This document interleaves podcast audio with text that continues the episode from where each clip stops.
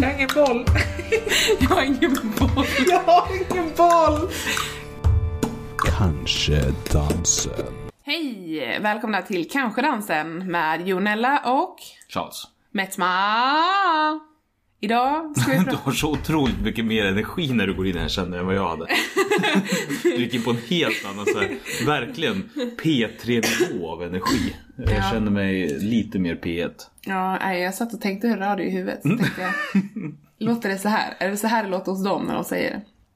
Ja, Det vad- känns väldigt mycket så här fredag kväll. Eftermiddag kväll på P3. ja faktiskt. Ska vi prata om idag? Eh, jag vet inte riktigt.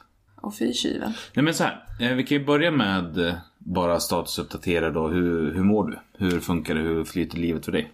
Ja, men eh, jag mår bra tycker jag. Man får ju ändå se det på en ganska stor skala av hur man kan må. Mm. Och jag tycker att jag mår bra just nu. Jag lider av halsbränna, ganska konstant. Och jag har ett blygdben som det känns som att det ska bli dasssplitt. Flera gånger om dagen. Ja, Så brukar jag gå runt och skrika. precis. Men jag vet inte om det är någon typ av foglossningsvariant eller vad det är. Men det, det är i alla fall, det, vi, det gör mer ont vid vissa tillfällen än andra. Men eh, jag har inga problem att eh, röra mig så. Nej. Nej, egentligen så har väl den här trenden av att sen årsskiftet att det har varit bra för dig fortsatt. Ja, det tycker jag. Jag skulle ändå vilja säga att jag har mått bra i, jag är väl uppe i 18 veckor, tror jag. Ja, det blir det väl. Alltså, nu är det 8 april nu när vi spelar. Ja. Det känns, det känns faktiskt lyxigt. Det är, inte, det är inte alla som har det så bra. Nej. Nej, men du hade ju en ganska stökig början. Verkligen. Så att jag, jag är jättetacksam så som det är nu. Och jag sover bra på nätterna och ja, visst man får kissa lite extra men det, det gjorde man även i början. Om inte mer. Men, men däremot, en sak som vi har pratat ganska mycket om. Som ändå hör graviditeten till. Det är ju också, eller framförallt du har ju pratat om det då. Eh, Just det här med att din, din kropp, eller närmare bestämt din mage, liksom hur, hur den har upphört att vara din. Ja, det är, det är jättespännande. Jag målar upp scenarion väldigt lätt. Och hade väl tänkt mig någonstans att ja, men det kommer bli så här att folk kommer göra saker som jag inte gillar eller behandla mig på ett sätt som jag inte vill bli behandlad på för att en gravid kvinna blir på något sätt ett objekt. Att folk hoppar på magen. Det har jag bara fått bekräftat att det är så. Och det jag kan känna är väl att det, det blir väldigt så konstigt att faktiskt säga ifrån att man tycker det är obehagligt för det finns aldrig tillfälle nog att, att göra det. Men det är också för att det kommer i sån, liksom, ett sånt attackläge. Alltså, verkligen från ingenstans. Men senast idag så var det ju en väldigt ytlig bekant får man väl kalla det. Ja. Liksom en förälder till en av våra vänner. Som eh, bara liksom slängde in ett åh förresten grattis också. Så var framme liksom på och klappa på magen. Och man vet ju att alla menar väl. Det är bara det att jag förundras över den här äh, extrema rättigheten som man tar sig eh, på en gravid kvinnas kropp. Jo men eftersom att det, den typen av beröring, alltså att liksom klappa lite grann eller lägga handen på. Den sker väldigt sällan liksom överhuvudtaget. Och framförallt på magen sker den ju aldrig på någon Nej. som inte är gravid. Jättekonstigt. Och de, de två kvinnorna som ändå ligger oss närmast, som är min mamma och din mamma, det är ju de två som ändå har behandlat den med mest respekt. Alltså för att de kan liksom lägga sig, inte handflatan mot, men liksom baksidan på handen och klappa lite snabbt. Och liksom säga, men mår du bra? Eller liksom ett välmenande, ytligt eh, sätt, precis som man rör någon på armen. Alltså i- andra gånger så har jag fått en hel hand på. Där det liksom är så här. Eh, kan ni släppa magen?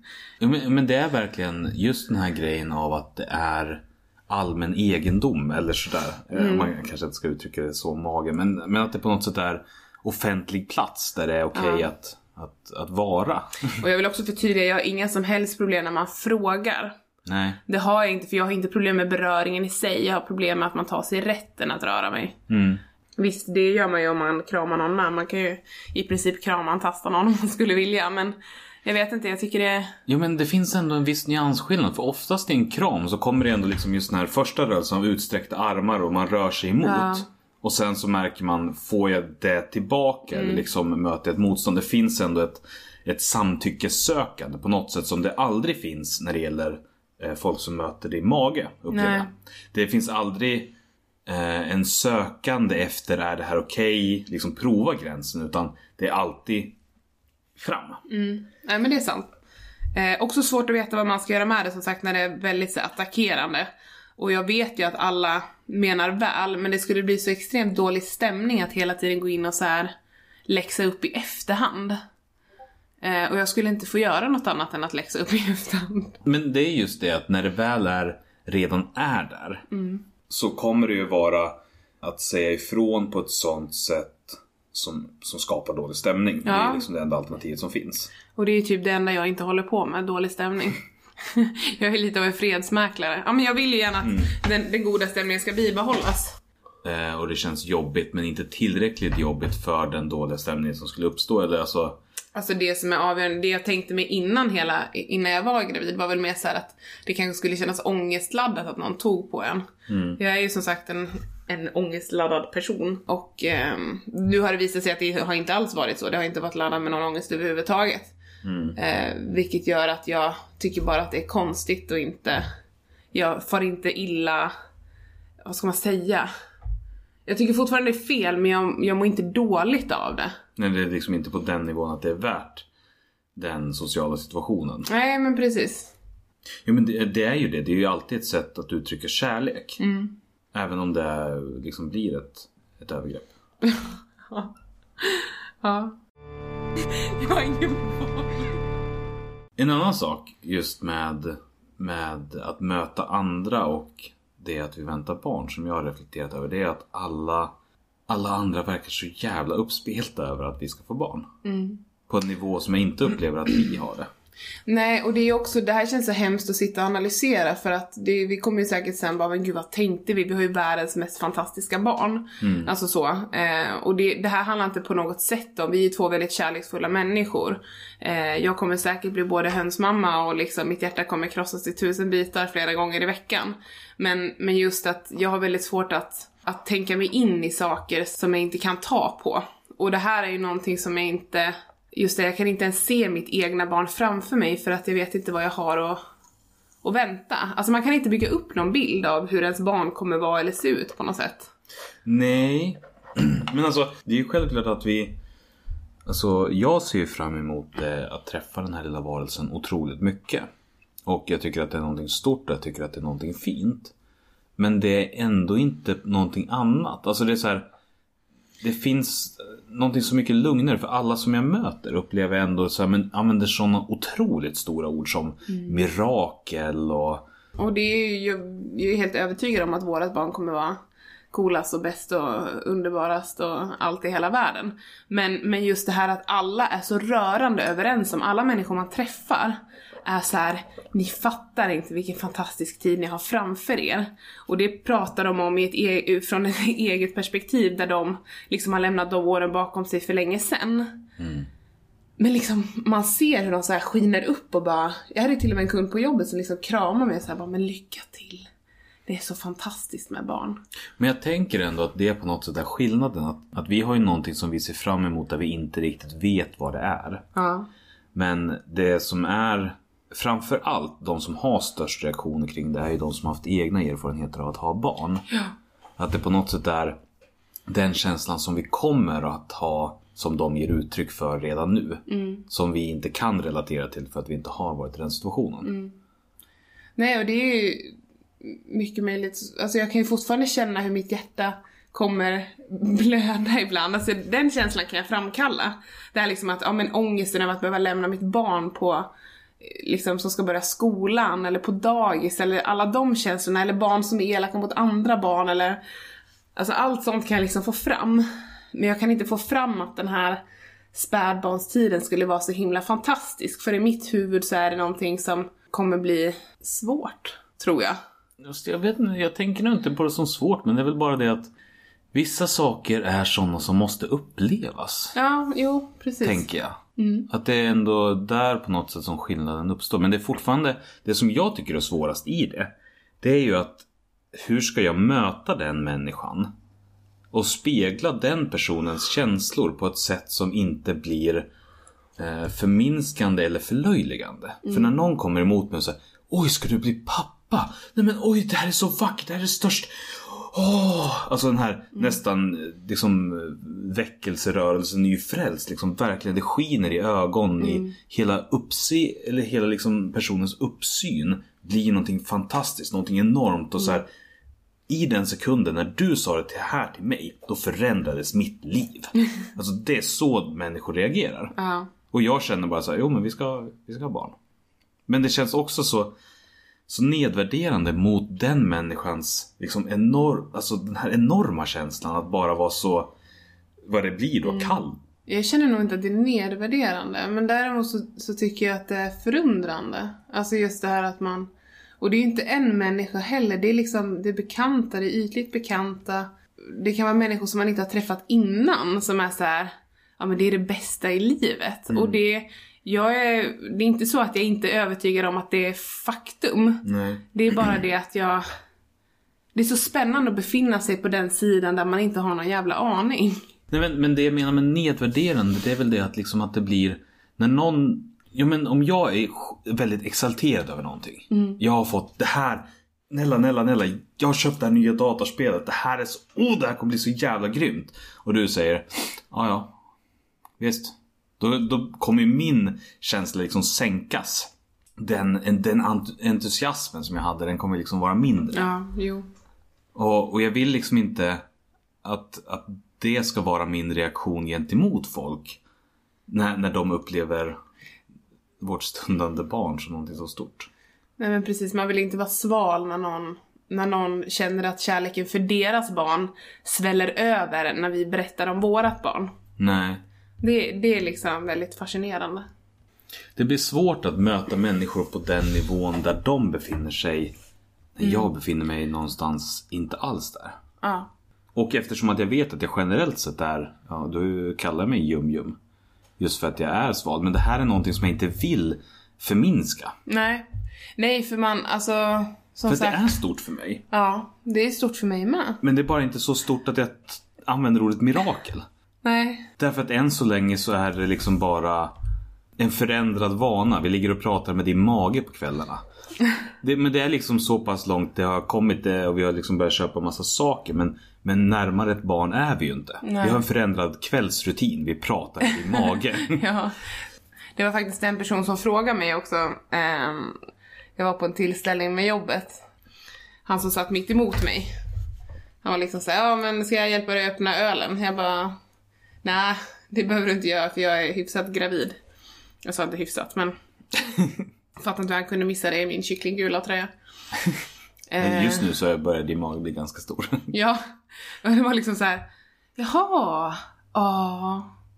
Jag pratar i något med magen då? Jag kände så här, men gud vilken intim fråga. Och ändå Alltså, inte. och ändå inte. Man var såhär, nej för det. Och så började han liksom prata om sina två vuxna barn och man kände så här. Och jag vet inte om det är våra generation och våran generations pappor är ganska närvarande fast eh, på ett rent känslomässigt plan så är de frånvarande. Upplever jag i alla fall, det här är bara en helt egen reflektion. Och när, han, när då männen också som jag möter som är i den här åldern börjar liksom bli blödiga och så här prata om sina egna barn så att de nästan blir tårögda. Mm. Utan han, han kände så extremt så här, när han fick prata om sina barn och när de väntade sina barn, då blev han så här. Nej, men jag tänker väl att i, Så fint. det är väl ändå en av få grejer om man, om man ska uppfylla liksom den här välja om man ska uppnå machonormen så är väl det en av få grejer som gör att man får gråta. Det är väl sport och sina barn. Nej, jag skulle nog bara säga att en, ens egna barn föds. Ja, okej. men, men finns det fler tillfällen liksom? Det är ju inte som, oavsett om det finns fler tillfällen eller inte. Så finns det inte många tillfällen där Nej. det är okej att gråta om du ska vara en riktig man. Enligt den gamla skolan. Så därför så tänker jag mig att när du väl börjar lätta på det trycket av att säga, ja, men nu är det ett tillfälle, nu jävlar måste jag passa på att gråta för nästa tillfälle kommer om tre år. Det blir så jävla pys. Ja.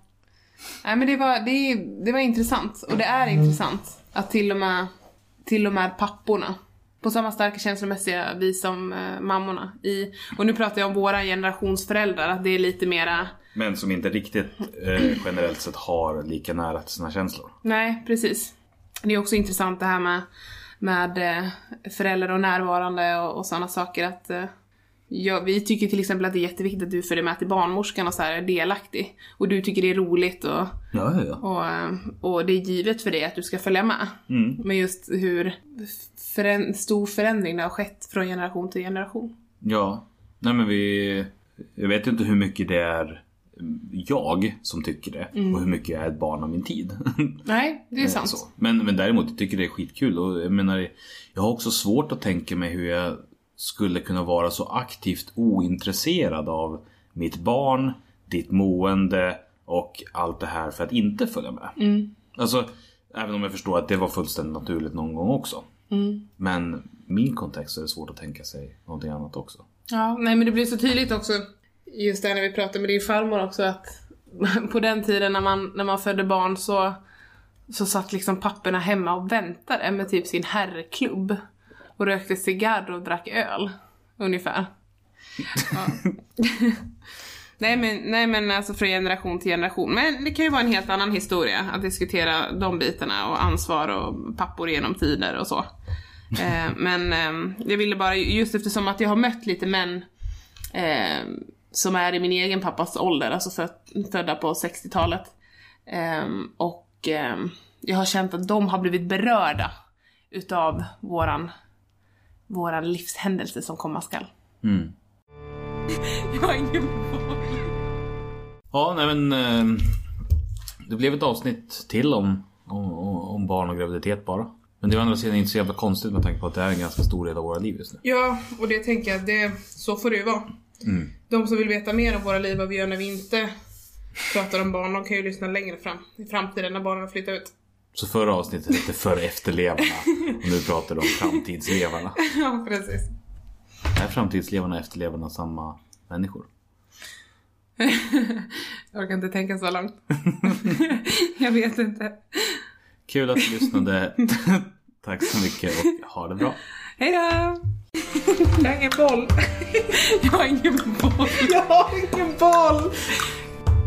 Kanske dansen. Visst, visst körde vi runt 20 minuter på de här avsnitten? Uh, 20 minuter färdigklippt material. Ja. Eller var det 30? Nej, jag tror vi sa runt 20. Men vi har spelat in i typ en timme varje gång. Eller har vi inte det? Nej, inte per avsnitt. Har vi inte? Nej, nej, nej för fan. Det är inte mycket som försvinner. Så, jag tror vi kör långpass. Nej, men då, då har vi brutit och sagt att nu blir det nytt avsnitt. Ja, okej. Ja, men... Uh, hämta mig lite dricka. Du kan klippa bort det. 24 minuter, Färdigklippt då? 22 minuter, Eller är det när vi har klippt? 32 minuter. Är det innan eller? Nej, det är färdigklippt. 24 minuter och 30 minuter. Så det är mellan 20 och 30 vi har hållit oss. Ja, ja. Ja, men eh, om vi är uppe i 20 minuter här och sen... Ja, det gick så jävla snabbt bara. Men vi, vi får väl köra ett till. Ja, eller så får vi ändra längden på avsnitten. Man kan ju köra lite som Nisse och Manne gör också. Ibland är det 20, ibland är det 45. Ja. De kör väl två gånger i veckan. Typ. De Ja,